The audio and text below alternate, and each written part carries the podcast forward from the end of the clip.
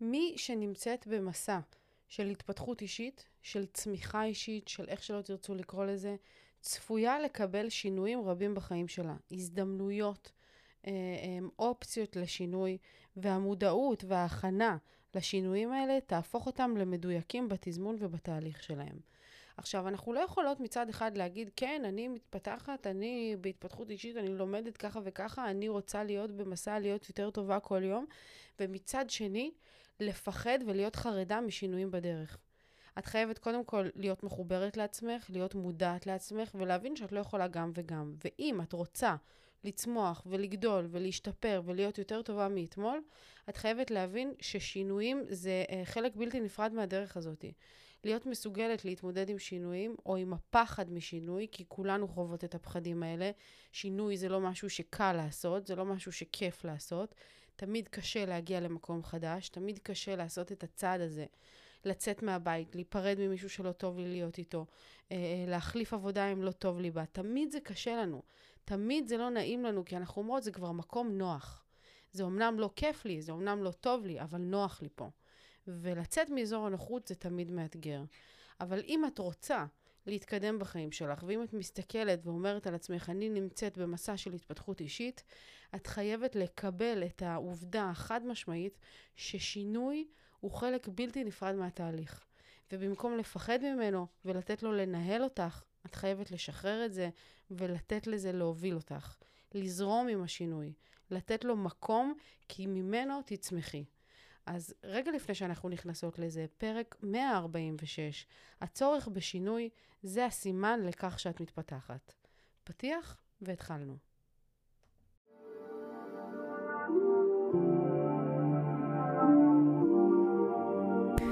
ברוכות הבאות יקירותיי לפודקאסט אימפרית אמהות בצמיחה. כאן אנחנו מדברות תודעה, אהבה ואמת, בשילוב עם כל השיעורים והניסיונות והקשיים שאנחנו עוברות בדרך, הן באימהות והן בחיים בכלל. אז רגע לפני שאנחנו מתחילות, תפתחו את הראש, תנקו את המחשבות ותהיו מוכנות לצלול פנימה. הנה זה בא.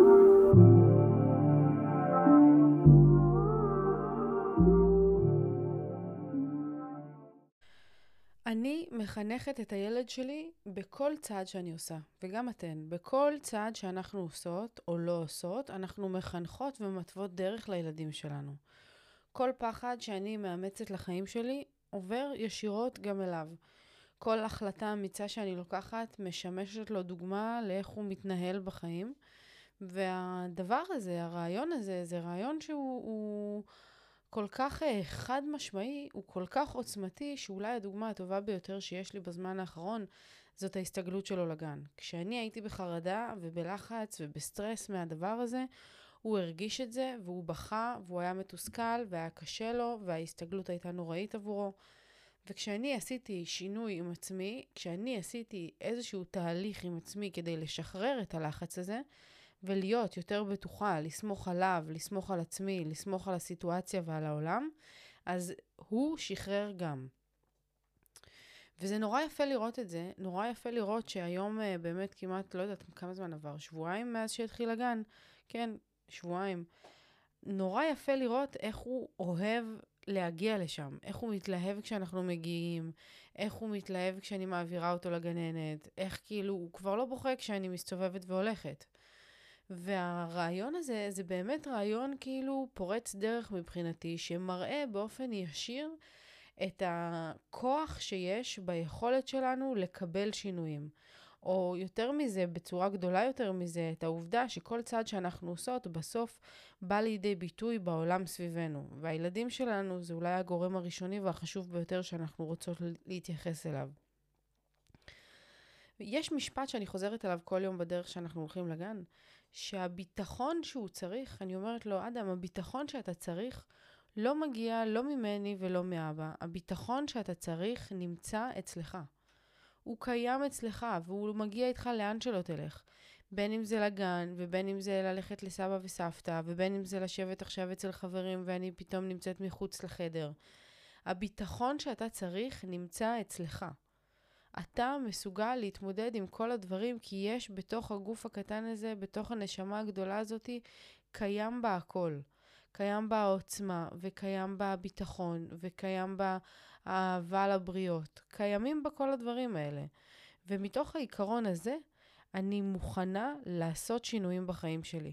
מתוך העיקרון הזה שסיפרתי לכם פה היום, אני מוכנה לעבור לגור בצפון, למרות שהוא כבר התחיל גן ויש לו גן טוב, והוא אוהב את המקום, והגננות אוהבות אותו, ואני כבר מרגישה בטוב עם זה. ואני מוכנה לעבור לצפון אם אני מרגישה שזה מה שטוב למשפחה שלנו. אם אני מרגישה שזה הצעד הנכון. אותו, על אותו משקל, אני מוכנה לעשות גם רילוקיישן לחו"ל.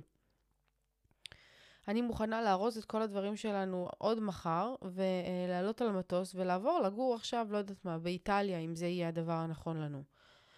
או בקוסטה ריקה, לדוגמה. אני לא מפחדת משינויים. זאת אומרת, אני כן מפחדת מהם, הם כן מפחידים אותי, אבל אני לא נותנת לפחד להשתלט עליי ולקבוע מה אני עושה או לא עושה בחיים שלי. זאת, הפ... זאת הסיבה הנוספת לזה שאני מוכנה להתחיל ולפתוח עסק חדש, למרות שכבר עשיתי את זה כמה פעמים ולא הצלחתי. וכשלתי, והתאכזבתי, והרגשתי רע עם זה.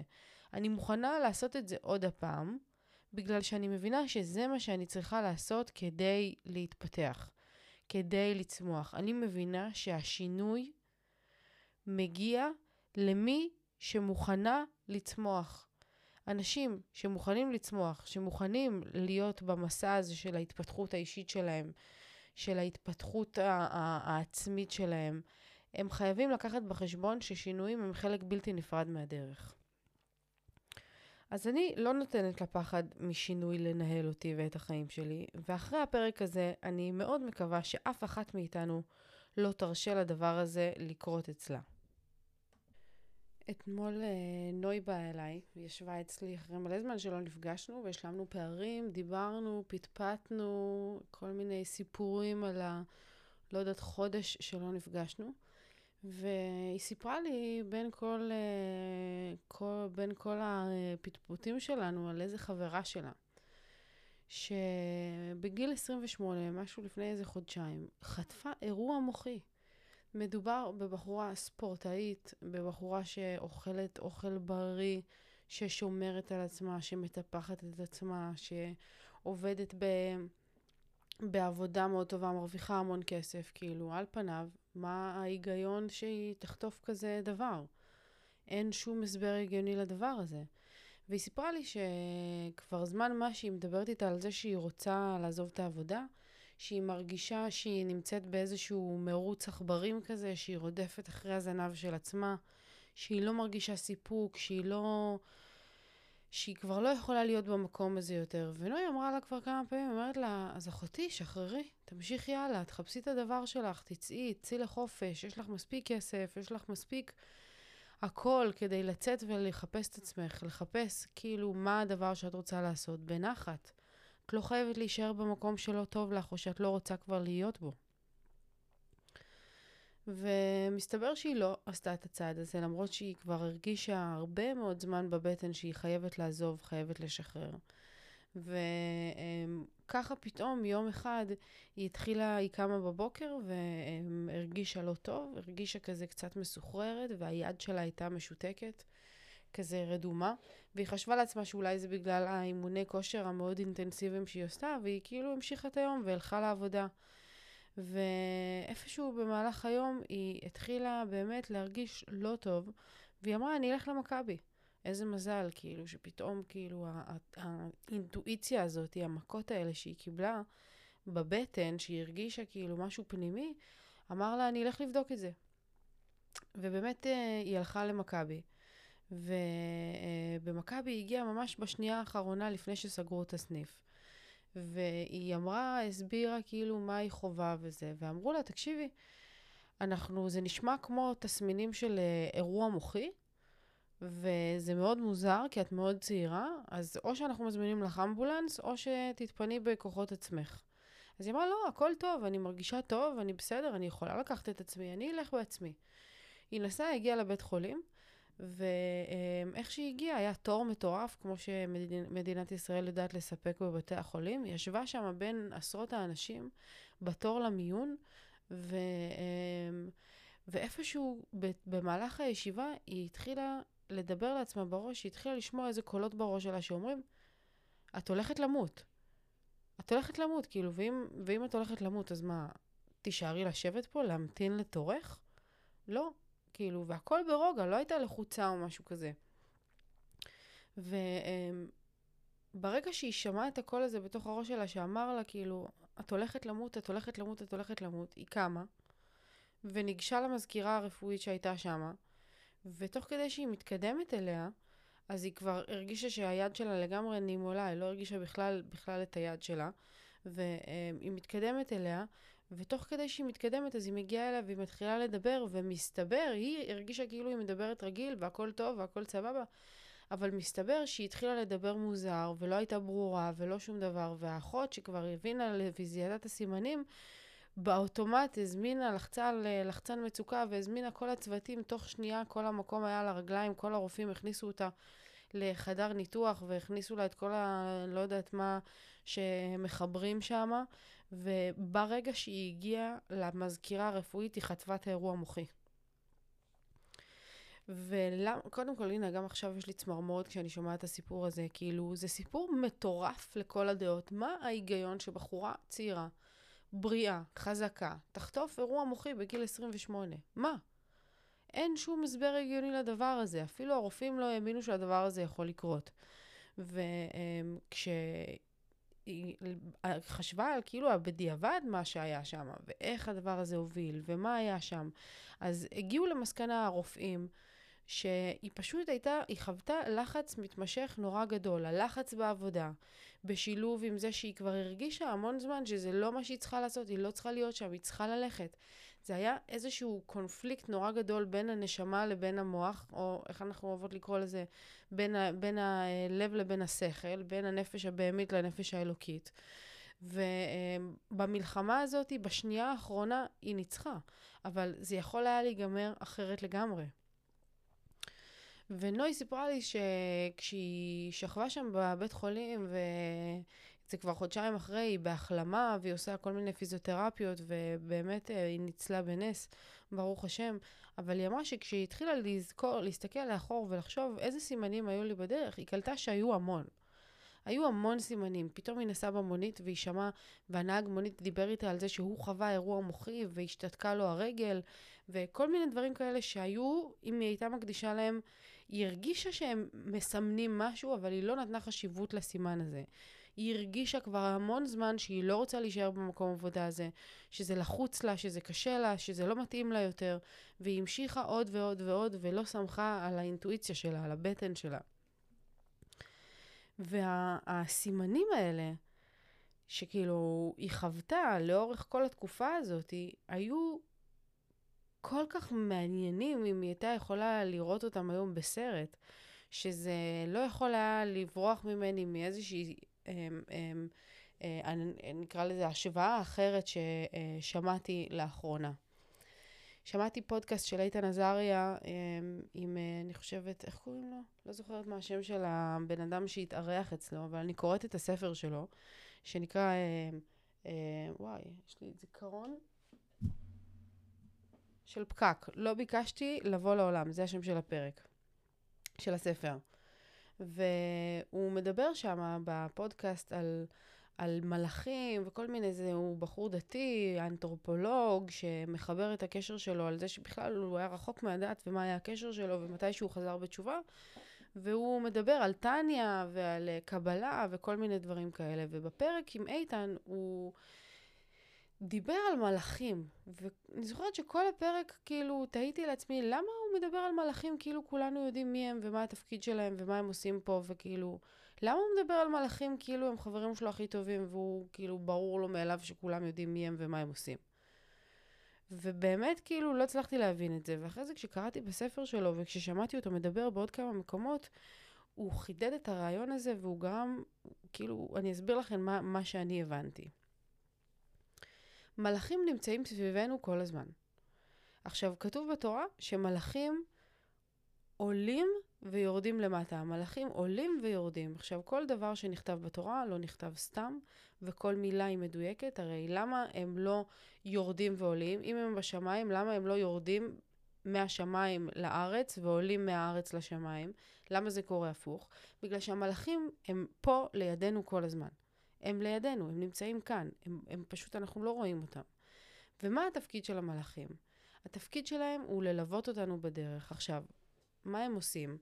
המלאכים שלנו רואים אותנו, איך שאנחנו מתנהלים ביום שלנו, והם עולים למעלה, מסתכלים על התמונה העתידית של מי אנחנו בעתיד, מי זאת נועה העתידית, איך היא נראית, לאן היא אמורה להגיע. הם רואים את התמונה הזאת, ואז הם יורדים למטה. אם הם מבינים שהתמונה שלמעלה לא תואמת את התמונה שלמטה, אם הם מבינים שאני סטיתי מהמסלול, אז הם נותנים לי דקירות קטנות. נותנים לי דקירות קטנות כאלה, כאילו כמו בעיטות כאלה, כמו מכות בבטן, כמו לשים לי רגל ולהפיל אותי שאני אפול שנייה ואני ארגיש שזה כאפה. ואם הכל טוב, אם אני במסלול, אז הם ממשיכים בדרכם, ממשיכים ללכת איתי, ללוות אותי. עכשיו, הדקירות האלה שהמלאכים האלה עושים לנו, באות לידי ביטוי בתחושות של חוסר סיפוק, של חוסר הגשמה, של תסכול, של ייאוש, של לא טוב לי, אני בדיכאון, אני לא שמח, אני לא מרוצה ממה שאני עושה, מאיפה שאני נמצא, עם מי שאני. והמון פעמים, כאילו, מה זה המון פעמים? בעולם החילוני אנחנו מגדירים את הדקירות האלה כ... אה, כאינטואיציה, כתחושת בטן.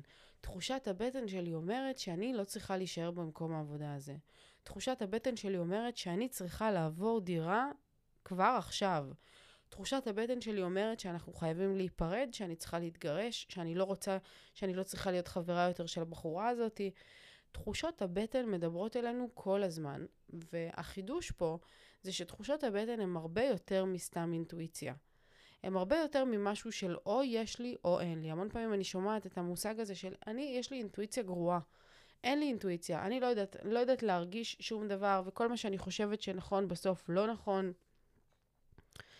אז החידוש, יקירותיי, הוא שזה בכלל לא עניין של אינטואיציה. אם אתם תבינו שמדובר במלאכים, ופה יש, אה, כמו בכל הפודקאסט, בכל הפודקאסט הזה, יש מקום לאמונה, ויש מקום לדברים שהם נסתרים מההיגיון, והם מעבר למה שאני אה, רואה ויודעת שנכון, אז זה המקום לפתוח את הראש שלנו ולהסתכל דרך הלב, נקרא לזה, ולהתייחס לאינטואיציה ממש כמלאך. להרגיש שכל פעם שאני נמצאת במקום שלא טוב לי, שאני מרגישה לא מסופקת, לא מרוצה, לא בטוב עם הסיטואציה, עם מה שמתרחש, כל פעם שאני חווה את הרגשות האלה, אני חייבת לזכור שזה מלאך שדוקר אותי בבטן, שאומר לי, נועה, הלו, קומי, סטית מהמסלול שלך, תחשבי מסלול מחדש, תעצרי שנייה מה שאת עושה, תחשבי עוד פעם. ותחזרי רגע צעד אחורה, או שפשוט תפני ימינה בפנייה הבאה. תחזרי למקום שממנו היית צריכה להתחיל. עכשיו, העניין הזה, עם אינטואיציה ומלאכים שמכוונים אותנו, הוא יכול להיות מאוד מאוד tricky. כי אה, המון פעמים אנחנו תוהות לעצמנו, האם זה עניין של אינטואיציה? האם אני מרגישה ויודעת שזה באמת, אני צריכה לעבור דירה? זה כבר... או שזאת גחמה.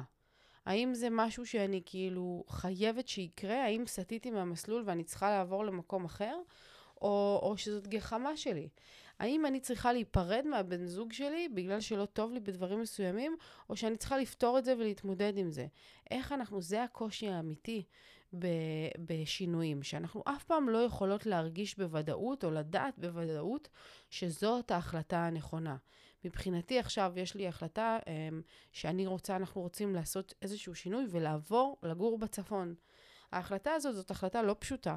היא מצריכה מאיתנו הרבה דברים, שאולי הגדול מכולם זה אומץ.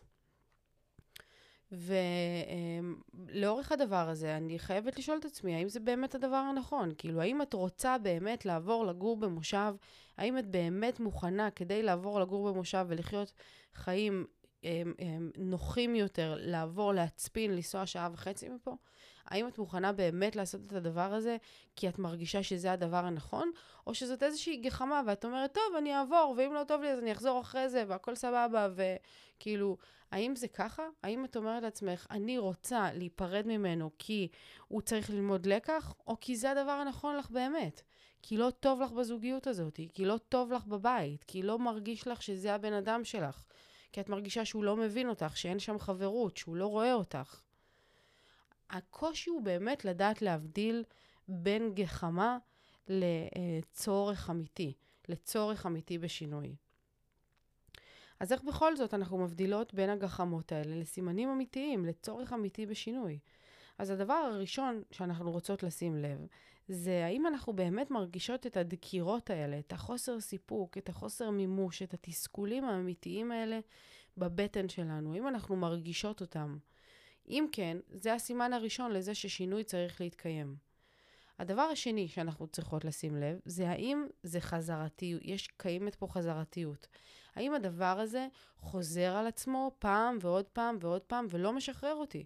אני כבר, תשאלו אותי, מאז שעברנו לגדרה, כבר עוד מעט שלוש שנים, יודעת ואומרת ורוצה שאני חייבת לגור במושב. זה אני, זה ה vibe שלי, זה ה vibe שלנו. אני מרגישה שזה המקום שטוב לנו, שיהיה נכון לנו. ומאז שאדם נולד, הצורך הזה רק התחדד אצלי יותר ויותר, כי אני מרגישה על הילד שלי שהוא ילד של טבע, שהוא צריך את הבחוץ, שהוא צריך את המרחב, שהוא צריך חצר גדולה, שהוא צריך שיהיה לו הם, עצים וציפורים מצייצות מחוץ לבית. זאת ההרגשה שלי. אלה ה... הסימנים האלה שאני מתייחסת אליהם ואני מרגישה אותם שהם כבר, בגלל שהם כל כך הרבה זמן פה, אז הם כבר ממש מרגישים כמו טק, טק, טק, דקירות כאלה. ומי שמאזינה לפרקים האחרונים יודעת שאני מרגישה תסכולים אמיתיים בחודש, חודשיים האחרונים, כבר בצורך האמיתי של לעבור דירה. כאילו זה כבר לא, אוקיי, בא לי שנעבור, בא לי בית יותר גדול, בא לי שיהיה לי יותר כיף, בא לי השתעממתי פה בבית הזה. זה כבר לא גחמה, זה כבר צורך אמיתי בשינוי. ולכן הדבר השני זה באמת לשים לב האם יש חזרתיות. אם זה לא עובר לי ואני לא מצליחה למצוא הסבר, למה את חייבת עכשיו לעבור? יש לך חוזה עד ינואר, למה עכשיו את רוצה לעבור? אין לזה הסבר מספיק טוב, אבל אני יודעת שאנחנו צריכים לעבור. למה את רוצה לעבור למושב? למה את לא יכולה לעבור לגור פה בבניין, בגדרה, ולהישאר ליד הגן של אדם? לא יודעת להסביר, אבל אני צריכה שאנחנו נגור במושב. זה כבר כל כך הרבה זמן חוזר על עצמו, אין לי הסבר מספיק טוב לזה. מעבר לזה שאנחנו צריכים טבע, בחוץ, חלונות, אוויר. וזהו, מבחינתי זה מספיק טוב כדי שאני אדע שהתחושה הזאת היא, היא גדולה יותר מגחמה, היא ממש צורך אמיתי.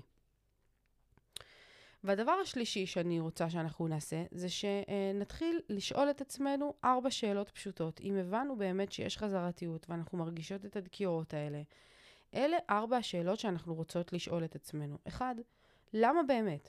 למה באמת את רוצה לעבור דירה עכשיו?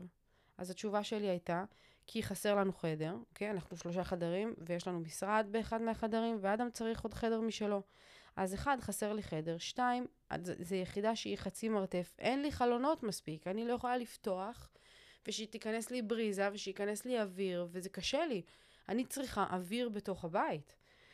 דבר נוסף, זה שאני רוצה חצר ועצים וכל מה שאני מספרת לכם. ודבר אחרון, זה שהאנרגיה בבית כבר תקועה. אלה ארבעה דברים שכבר אני מרגישה שאני חייבת שיקרו, שישתנו, ולכן זה הלמה האמיתי של למה אני רוצה את השינוי הזה. השאלה השנייה שאני שואלת אותי, את עצמי או אתכן, זה מה מונע מבעדי לגרום לשינוי הזה לקרות כבר היום? כאילו, מה מונע ממני או מהמשפחה שלי לארוז את התיק היום ולעבור דירה? אז התשובה שאני עונה פה זה קודם כל חוזה, שעוד לא מצאתי לו מחליף. אני צריכה למצוא מחליף, מישהו שיבוא במקומי, אבל אולי חשוב יותר מזה, זה שאני צריכה למצוא אלטרנטיבה לבית הזה במחיר מסוים. יש לי הרי אה, אה, תקציב מסוים שאני צריכה לעמוד בו, מחיר מסוים שאני צריכה לעמוד בו, תנאים של בית שאני רוצה למצוא, במושב, עם חצר, ארבעה חדרים, ככה וככה, כאילו יש לי בראש את הדברים האלה, וזה מה שמונע מבעדי לעבור היום. למה השאלה הזאת חשובה? כי זה עושה לנו סדר בדברים. אם את עכשיו נמצאת בזוגיות שלא טוב לך בה, ואת רוצה לעזוב את הזוגיות הזאת, ואת שואלת את עצמך, למה באמת את רוצה לעזוב? אוקיי? אז את יודעת להסביר, לא טוב לי, אני לא נהנית, הוא לא מספק אותי, לא מ- מ- גורם לי להרגיש מאושרת, מה שזה לא יהיה. השאלה הבאה של מה מונע מזה לקרות היום, זאת שאלת Game Changer. למה עד היום לא נפרדת ממנו? למה עד היום לא עשית את הצעד הזה? כי אני מפחדת מהשינוי, כי אני חושבת שאף אחד לא ירצה אותי, כי אני מפחדת להיות לבד, כי אה, אה, אני לא יודעת איך להיות לבד. השאלות האלה מציפות לך הרבה מאוד תשובות שבכללי, בלי קשר להמשך הפרק הזה, תדעי שאת יכולה לעשות איתן עולם ומלואו. את יכולה לעזור לעצמך ולאמן את עצמך ולטפל את עצמך ולפנות לאנשים ולהיעזר בחברים ולפתור את הבעיות האלה, כי התשובות שיעלו לך מהשאלה הזאת הן תשובות חשובות ביותר לחיים שלך בכלל, אוקיי? ואני עוברת לשאלה השלישית של עד שהדבר הזה יקרה, אוקיי? עד שאני אעבור דירה. מה אני יכולה לעשות כדי לשפר את המצב שלי? עד שאני עוברת דירה. אני יודעת שעם כל כמה שאני רוצה לעשות את השינוי הזה, יש דברים שמונעים ממני מבעד זה שזה יקרה מחר, אני עוד לא מצאתי בית, אני עוד לא יכולה לעבור. אז מה אני כן יכולה לעשות כדי לשפר את המצב שלי? כדי להרגיש טוב יותר כבר היום, מבלי לחכות שהדבר יקרה. אז מבחינתי אני יכולה להגיד, וזה גם משהו שעשיתי, זה um, האנרגיה, הרגשתי שהאנרגיה תקועה. אחד מהדברים שמשנים לי כל הזמן את האנרגיה בבית, ואני יודעת את זה, זה להפוך את הבית. לשנות את הסלון, הזזתי את הספה ממקום אחד למקום שני, ואת השולחן, והחלפתי שטיח ועוד שטיח, והוצאתי שטיח מהמשרד, והשינוי הזה של הרהיטים, של, ה, של הסביבה של הבית, ממש מניעה את האנרגיה בתוך הבית, ומבחינתי זה היה מספיק כדי לתת לי, איך נקרא לזה, קצת יותר אוויר בזמן הזה שאנחנו עוד כאן. דבר נוסף שאמרתי לכם שחשוב לי זה הבחוץ והטבע. אז אמנם אין לי את זה בתוך הבית, אבל אני דואגת למלא את הצורך הזה בחוץ. אני הולכת עם אדם כל יום בבוקר ברגל, אנחנו עושים הליכה, אנחנו כל אחר צהריים יושבים בגינה. אז אני סופגת את הבחוץ הזה שאני צריכה, ממלאה את המצברים כרגע, כי זה הפתרון שיש לי. וזה חשוב כדי שנדע לא לשקוע בתסכול. כדי שאם יש דברים שהם לא תלויים בנו, למשל, עד שאני אמצא את הבית, או, או עד שנמצא בן אדם שייכנס במקומי, זה משהו שהוא לא תלוי בי בגדול, אז איך אני מטפלת בהרגשה של עצמי? והשאלה הרביעית והאחרונה היא גם בעצם החלטה. זה um, להבין של מה הולך להיות הצעד הבא שלי. אוקיי, אז הבנתי למה באמת אני רוצה לעשות את השינוי הזה. מה מנע מבעדי לעשות את זה עד היום? ומה אני הולכת לעשות עד שזה יקרה כדי להרגיש טוב יותר עם עצמי. אבל מעבר לכל שלושת הדברים האלה, מה ההחלטה שאת לוקחת כבר עכשיו, שהולכת לגרום לשינוי הזה לקרות? ההחלטה שלי כבר הוחלטה זמן רב, כן? אני מוצאת דירה. עכשיו, בכוונה אני מנסחת את זה בצורה הזאת, כי אני רוצה שגם אתן תלמדו לנסח את המטרות שלכן בצורה שמייצרת מציאות. אנחנו מדברות בלשון חיובי, אוקיי? ובהווה. אני לא אמצא דירה, אני לא אחפש דירה. אם אני ארשום או אגיד, אני מחפשת דירה, אז כאילו אני אשאר בחיפושים וייקח לי מלא זמן עד שזה יקרה. אבל אם אני אשנה את הניסוח שלי ואני אגיד, אני מוצאת דירה עכשיו, ברגע הזה, בהווה, אני מוצאת את הדירה שלנו, אז המוח שלי כבר מבין שזה הרבה יותר קל. זה הרבה יותר פשוט, והדירה תגיע אליי. אוקיי? אני צריכה לעשות את המהלכים, אני צריכה לעשות את הצעדים, אבל היא תגיע אליי. זהו, יקירותיי, אני רוצה שאנחנו נעבור בסיכום קצר כדי שכולנו נצא מחודדות מהדבר הזה. אני מזכירה לכן שכמו שאתן למדות מזה, אני למדה מזה בעצמי, וזו תזכורת טובה גם לעצמי וגם לחיים שלי, ולכן בואו אה, אה, ונעבור על זה בדקה קטנה ומתוקה. אז אמרנו שאנחנו רוצות אה, אה, לשאול את עצמנו איך אנחנו מבדילים בין גחמות לסימנים אמיתיים. אז אחד, אנחנו רוצות להרגיש את הדקירות האלה, את ה... האם קיימת הדקירה הזאת אצלי, האם אני מרגישה את הרגשות השליליים האלה שמעכבים אותי, שלא נעימים לי, שלא כיפים לי, שגורמים לי להרגיש שמשהו לא טוב קורה. דבר שני, אני רוצה לשים לב, האם יש חזרתיות? האם הדבר הזה חוזר על עצמו פעם ועוד פעם ועוד פעם? ואז זה מוביל אותי לארבע שאלות. למה באמת זה קורה? למה באמת אני רוצה את השינוי? מה מונע מבעדי להגשים את זה כבר היום? עד שזה יקרה, מה אני יכולה לעשות כדי להרגיש טוב יותר? והשאלה הרביעית והאחרונה, איזה החלטה אני לוקחת? מה הצעד הבא שלי? זהו, אני אוהבת אתכן מאוד. אני מזכירה לכן, אה, רגע לפני שאנחנו מסיימות, כמו בכל הפרקים, שהמסרים שהיקום או שהקדוש ברוך הוא טומנים לנו בדרך, הם חשובים, הם מהותיים, מהותי, מהותיים לצמיחה שלנו, של כל אחת מאיתנו, לדרך שלנו. אנחנו צריכות ללמוד לזהות אותם, לקחת אותם בשתי ידיים. ולכן, בין אם זה משפט אחד, מילה אחת, או בין אם זה הפרק כולו, תיקחו את הדבר הנכון לכן ותיישמו אותו עוד היום בחיים שלכן. תעבירו את הפרק הזה לעוד חברה, לעוד קולגה, לעוד אימא, לעוד אחות שחייבת לשמוע את זה, שחייבת לקבל גם היא את המסר הזה. וזהו, אני אוהבת אתכן. אני מזכירה לכן שכל מי שנמצאת במסע של התפתחות בעולם הזה צפויה לקבל הצעות רבות לשינויים בחיים שלה. והמודעות וההכנה לשינוי היא זאת שתהפוך אותנו ואת השינויים בחיים שלנו למדויקים בתזמון שלהם ובתהליך שלהם. אני אוהבת אתכן, ואנחנו ניפגש כאן מחר. אלף נשיקות יקירותיי. צ'או.